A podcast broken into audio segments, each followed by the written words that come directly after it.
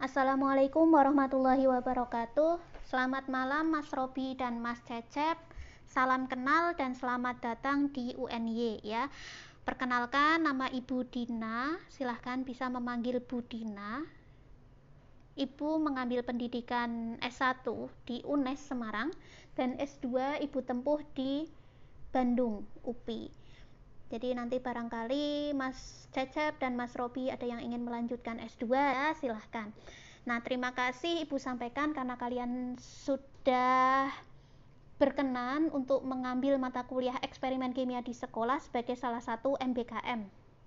Nah, yang ingin Ibu sampaikan saat ini adalah tentang kontrak perkuliahan ya, karena Ibu rasa ini justru yang paling penting dibandingkan dengan misalnya konsep-konsep karena kalian juga sudah semester tinggi, semester 8, pasti sudah memiliki banyak pengetahuan dalam bidang pendidikan. Jadi silahkan bisa belajar secara mandiri yang sudah terlewat. Kita sudah memasuki minggu keempat ya. Ini akan Ibu sampaikan tentang kontrak perkuliahan yaitu tentang apa saja yang akan kita lakukan selama satu semester dan kira-kira harapannya apa saja yang kalian peroleh dan bisa kalian kuasai setelah menyelesaikan perkuliahan ini. Ibu mulai untuk deskripsi perkuliahannya. This course discusses the fundamentals of chemistry experiments in schools, design experiments in chemistry learning in schools by looking at the analysis in terms of concepts, context, and implementation of experiments in schools, and various forms of application of chemical experiments in learning at school. Jadi untuk deskripsi perkuliahannya atau gambaran perkuliahannya bahwa perkuliahan ini akan membahas tentang dasar-dasar eksperimen kimia di sekolah bagaimana caranya mendesain eksperimen kimia dengan melihat pada analisis konsep, analisis konteks, dan implementasi atau penerapannya di sekolah. Jadi kita ketika akan melakukan atau mengadakan eksperimen itu kita harus melihat konsepnya dulu cocok atau tidak. Kemudian secara kontekstual hubungannya dengan kehidupan sehari-hari itu masuk atau tidak dan juga bagaimana implementasinya. Apakah memungkinkan dilakukan di lab atau barangkali karena adanya keterbatasan bahan dan juga alat guru harus lebih kreatif ya untuk mengadakan eksperimen yang lebih sederhana dengan bahan-bahan yang ada. Dan juga kita akan melihat beberapa bentuk penerapan dari eksperimen kimia ini di kelas. Ya, kira-kira seperti itu. Kemudian harapannya setelah perkuliahan ini kalian akan menguasai course outcome sebagai berikut. Yang pertama, show responsibility for their work as prospective chemistry teachers in high school independently. Jadi menunjukkan responsibility pada pekerjaannya tang bertanggung jawab gitu ya sebagai calon guru kimia harus bertanggung jawab secara mandiri untuk menyelesaikan permasalahan. Kemudian yang kedua explain the basics of experiment at school design various chemical experiments that are important to support learning in school by considering various important factors that need to be considered in conducting experiments.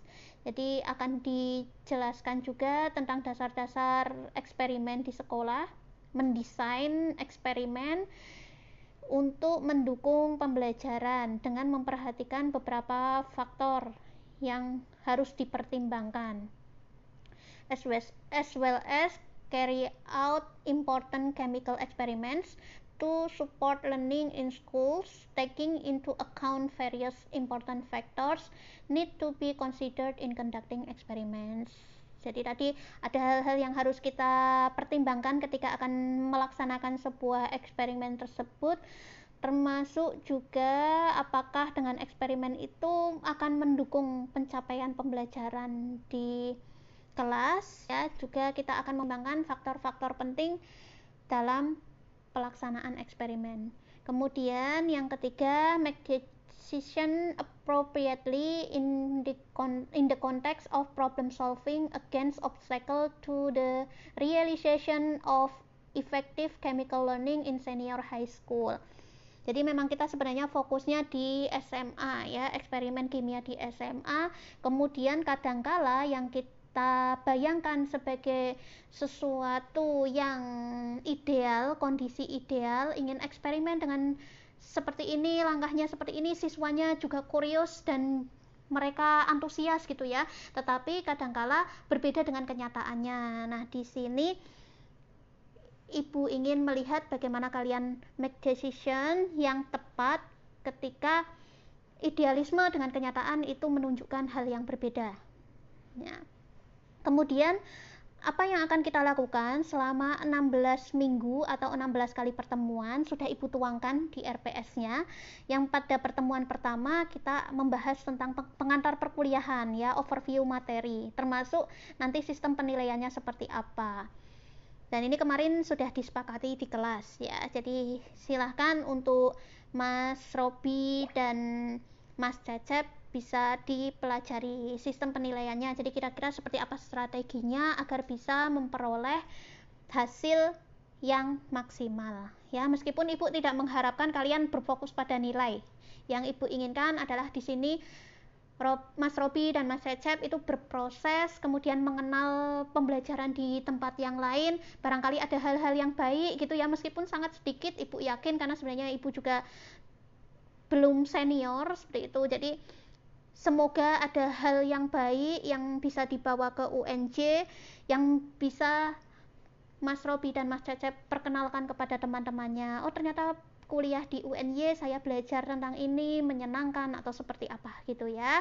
Kemudian yang kedua minggu kedua kita sudah membahas tentang eksperimen praktikum dan demonstrasi. Di sana ibu menjelaskan tentang kelebihan dan kekurangannya selain juga definisinya ya kemudian ibu juga menjelaskan terkait dengan implementasinya di kelas sudah ada contoh LKS-nya juga ya. Jadi kadangkala kita menyebutkan bahwa eksperimen itu sama dengan praktikum, tapi ternyata kedua istilah tersebut adalah berbeda. Selanjutnya, pertemuan minggu ketiga mengemas demonstrasi. Kenapa mengemas demonstrasi? Karena sebenarnya tagihan proyek akhir untuk perkuliahan ini adalah teman-teman diharapkan mampu menyajikan suatu demonstrasi yang menarik di depan kelas. Itu ya nanti tagihannya kita tidak ada uas tetapi kalian harus menyajikan demonstrasi. Nah di sana sudah dijelaskan bagaimana cara membuat demonstrasi yang baik terutama ibu kaitkan dengan pembelajaran inquiry. Pembelajaran inquiry sendiri ada dibedakan inquiry mandiri dan inquiry terbimbing ya. Nanti kira-kira mau mengacu yang mana kemudian demonstrasinya harus seperti apa.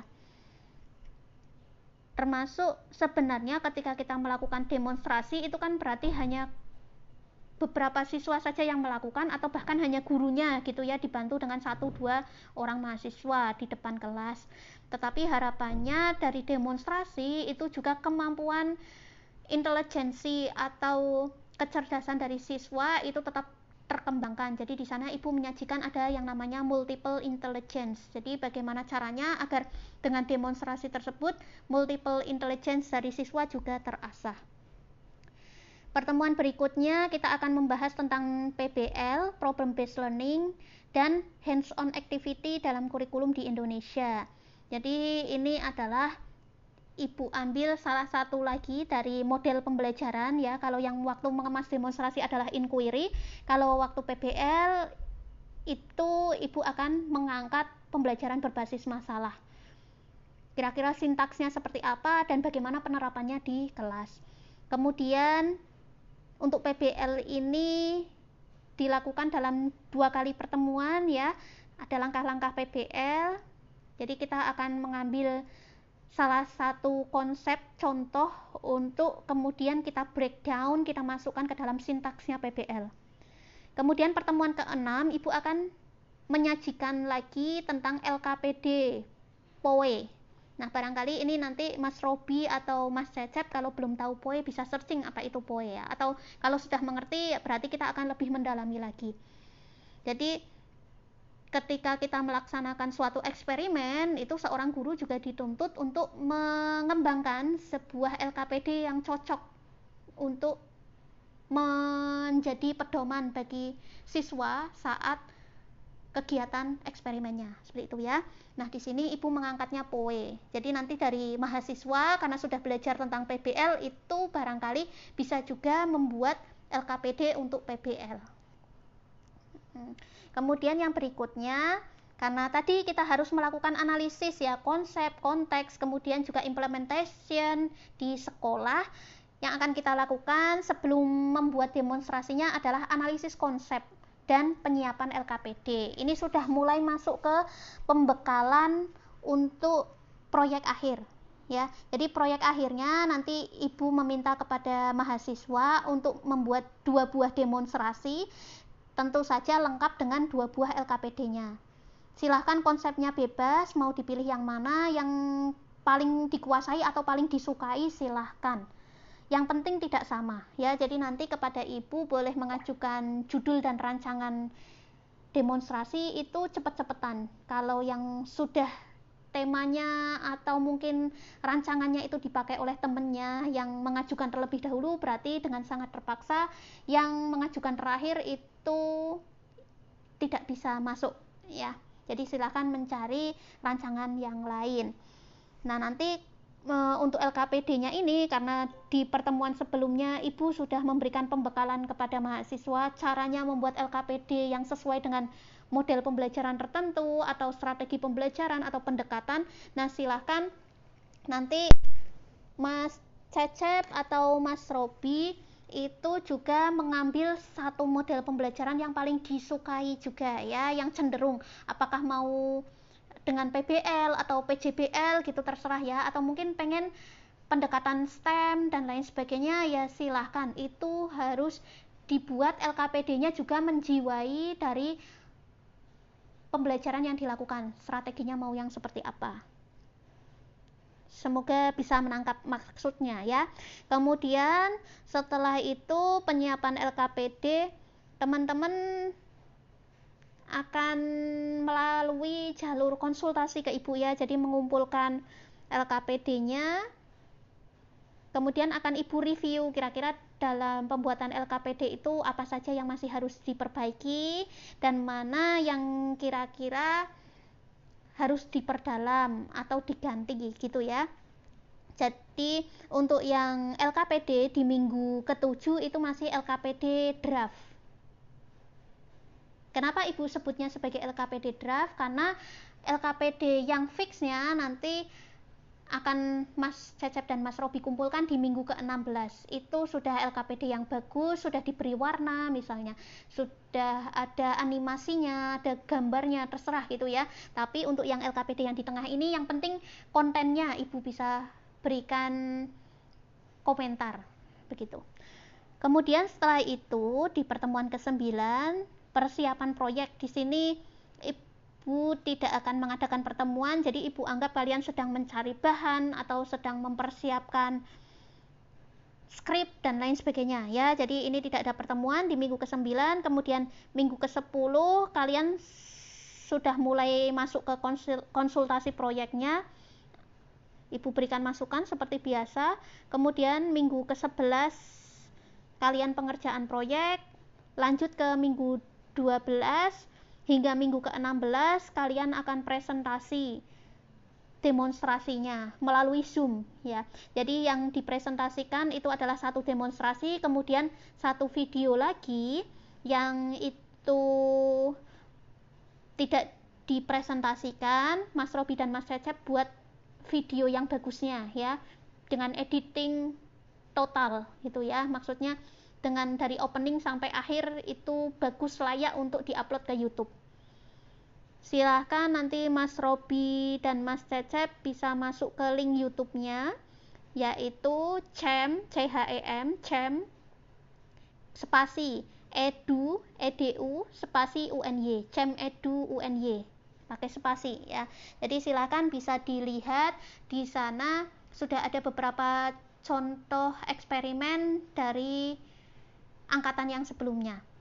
Di sana banyak video untuk beberapa mata kuliah ya. Silahkan cari video untuk mata kuliah eksperimen kimia di sekolah.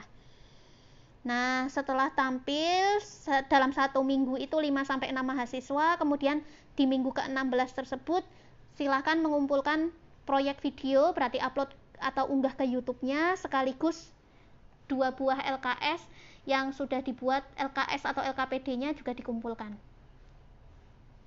Gitu ya. Jadi ketika demonstrasi melalui Zoom satu percobaan atau satu eksperimen itu silahkan juga LKPD-nya sudah diberikan ke ibu tapi kalau tampilannya masih biasa saja juga tidak apa-apa jadi tampil misalnya adalah konsep asam basa berarti silahkan kirimkan kepada ibu LKPD asam basa. Dengan tampilan yang apa adanya nggak apa-apa. Yang penting ibu sudah bisa melihat apakah penjelasan konsepnya sudah tepat atau belum. Gitu ya. Tetapi nanti sudah di minggu ke-16 kalian mengumpulkan satu link video karena sudah diupload ke YouTube sekaligus dua buah LKPD baik itu eksperimen yang didemonstrasikan maupun eksperimen yang di syuting dan upload videonya ke YouTube kemudian ada tata tertib selama pembelajaran ibu harapkan ketika ada pertemuan virtual melalui Zoom silahkan Mas Cecep dan Mas Robi untuk membuka kameranya dan mute mikrofon saat tidak berbicara ya. Kemudian jika ada kendala teknis dan ketidakhadiran disampaikan sebelum jam perkuliahan dimulai. Ingat tadi kita perkuliahan jam 11.10 hari Selasa. Kemudian berpartisipasi aktif dalam kegiatan perkuliahan. Kemudian zero tolerance untuk plagiarisme. Jadi barangkali di internet juga sudah banyak beredar tentang LKPD LKPD untuk misalnya PBL sudah ada, untuk STEM atau mungkin untuk SSI dan lain sebagainya inquiry sudah banyak tinggal download download gitu ya tetapi kalau itu memang hanya menjiplak ibu tidak akan memberikan toleransi dan nilai langsung E ya jadi silahkan boleh meniru tetapi harus dimodifikasi jadi harus ada unsur novelty-nya Kemudian wajib menghadiri dan mengerjakan tugas perkuliahan tepat waktu. Dan sebenarnya untuk eksperimen ini sudah ada dua tugas sebelumnya ya. Namun karena ternyata belum bisa upload di Bismat, maka untuk Mas Cecep dan Mas Robi silahkan menunggu hingga mendapatkan alamat email UNY. Tapi silahkan dikerjakan nggak apa-apa, nanti tinggal waktunya bisa. Nah, itu tata tertibnya Kemudian untuk penilaian aktivitas 5% tidak terlalu banyak karena ibu memang tidak terlalu fokus ke sana ya. Kemudian tugas itu 25%. Kemudian presentasi ini berarti satu eksperimen yang awal, presentasi dan LKPD-nya. Kemudian yang terakhir presentasi dengan videonya. Presentasi itu 35%, video juga 35%. Jadi aktivitas 5%, tugas 25%, presentasi 35%, video 35%. Jadi total itu 100%. Terkait bagaimana penilaian untuk proyek akhirnya bisa diamati di kisi-kisi penilaian yang sudah Ibu upload di Bismart ya. Jadi termasuk tentang rancangannya juga sudah Ibu nilai hingga nanti penampilan kalian sewaktu menyampaikan di depan kelas untuk penyampaian di depan kelas kalau memang menyulitkan untuk praktek langsung di depan kamera boleh sudah dibuat videonya. Ya jadi untuk presentasinya itu bebas. Silahkan menggunakan powerpoint boleh atau menggunakan video boleh atau powerpoint dengan eksperimen langsung juga sangat boleh. Referensinya sudah ibu tuliskan di sana dan juga beberapa ibu upload ya bisa di download Ibu harapkan dari Mas Cecep dan Mas Robi sebenarnya sudah enroll juga di Bismat tapi kita menunggu email dari UNY saja. Demikian barangkali yang bisa Ibu sampaikan sebagai pembuka dan perkenalan kita. Sekali lagi Ibu ucapkan selamat datang. Semoga kerjasama kita dalam satu semester berlangsung menyenangkan. Terima kasih. Sampai jumpa minggu depan. Wassalamualaikum warahmatullahi wabarakatuh.